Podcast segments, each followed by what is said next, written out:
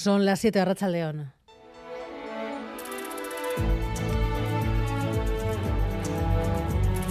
Gambara con Arancha García. El Ministerio de Universidades garantiza que la nueva ley no va a afectar a los estudios de filología vasca ni a las facultades. Joan Subirach se ha comprometido a rectificar el error, lo reconoce, con PNV y H. Bildu. ¿Qué más sabemos, Nerea Sarriegui? El Ministerio da un paso atrás y garantiza que la nueva legislación no modificará negativamente el área de conocimiento de la filología vasca. Se reconocerá junto a la catalana y a la gallega en un decreto paralelo, asegurando que no se afectan ni los estudios, ni las facultades, ni tampoco las plazas de los profesores. Así se lo ha trasladado al PNV en una reunión que acaba de finalizar en el Senado y también a EH Bildu en conversaciones mantenidas hoy. Ambos grupos vigilarán de cerca que lo prometido se cumpla. Escucharemos al ministro mañana en el Congreso.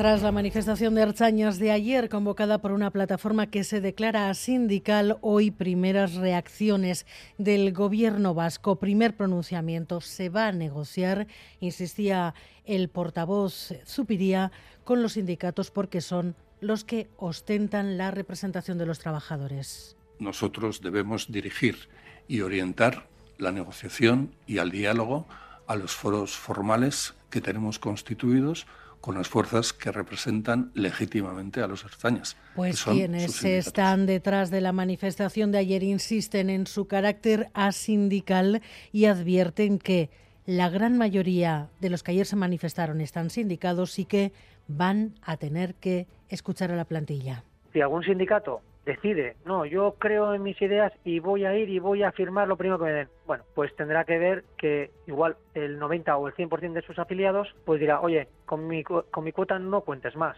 Igual ese sindicato pues tiende a desaparecer. Yo pago religiosamente mi cuota, por tanto pido que se me haga caso cuando yo solicito algo. Pero si quien me tiene que defender hace lo contrario, ¿para qué les voy a pagar? Y a tres días del arranque de la campaña electoral, la mirada se fija ya en los pactos del día después. Ayer Arnaldo Tegui pedía explorar alianzas multibanda que superen el pacto PNV-PSE para todas las instituciones. Hoy Antonio Ortúzar ha respondido también en Radio Euskadi. No nos vamos a engañar. Bildu a quien quiere suplantar o desalojar es al PNV y para eso necesita el PSOE, ¿no? Entonces, bueno, ojo con los cambios, ¿no? Igual lo de siempre es lo que funciona y si lo de siempre es lo que funciona, pues sigamos con lo de siempre. Últimamente nuestro socio está un poquito díscolo, entonces no, no, sé si cogerá el teléfono o no o, o, empezará a hacerle llamadas, no lo sé, pero lo lógico es eh, que recurramos al partido, a los partidos con los que tenemos en este momento acuerdos vigentes. El Tribunal Constitucional ha avalado al fin el derecho a interrumpir el embarazo en las primeras 14 semanas de gestación. La ley de plazos de 2010 queda blindada gracias a la nueva mayoría progresista que ha rechazado años después el recurso que presentó el Partido Popular y creo que para la mujer ya es bastante duro tener que abortar o tener que tomar la decisión, como que me parece que esté bien que la sanidad pública te proporcione ese derecho. Creo que es un derecho que el que quiera hacerlo, que lo haga. Tengas la opción de elegir, a mí me parece bien.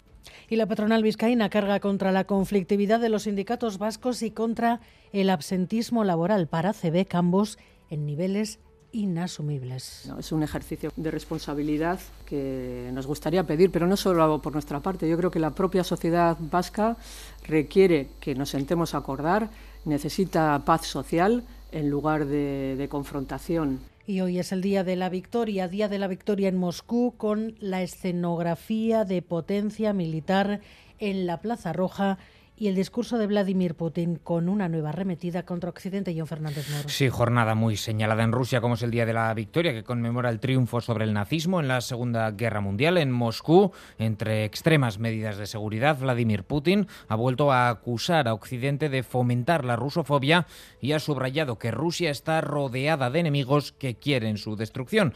Mención también para quienes combaten en el frente en Ucrania. El presidente ruso ha dicho sentirse muy orgulloso de ellos. Y además un punto con problemas en carreteras, retenciones de hasta 5 kilómetros en la N1 en Legorreta, sentido Irún. Hay un carril cortado por un camión accidentado. El conductor del camión ha sido evacuado al hospital Donostia. Precaución, por tanto, en ese punto y retenciones de hasta 5 kilómetros en estos momentos en la N1 en Legorreta, sentido.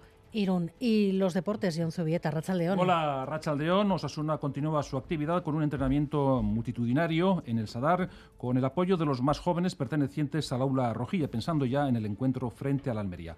En cuanto al Athletic, Muniain parece apuntar al partido ante el Villarreal, Íñigo Martínez y Herrera son una incógnita. Hablamos también de Champions porque Real Madrid y Manchester City miden sus fuerzas en el Santiago Bernabéu a partir de las 9 de la noche con un enfrentamiento estelar Vinicius-Haaland. En pelota, Unai Lasso y Aitor Elordi han elegido el material para la determinante cita del viernes en Emirevilla. El Navarro no se ve favorito y el vizcaíno quiere repetir su triunfo ante Lasso en el 4 y medio. Y en ciclismo, en el Giro de Italia, victoria de Aurelien Paret Pentre después de una jornada con varios puertos de segunda categoría. Hay cambio de líder. Ebenepul cede la maglia rosa a Lengelsun.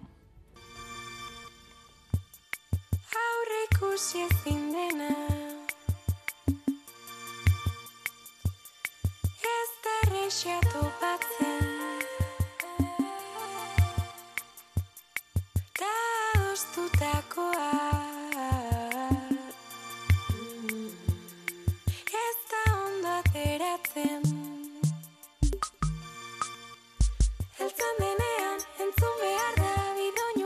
ya tenemos el cartel ganador que anunciará este año las fiestas de San Fermín, titulado Instante.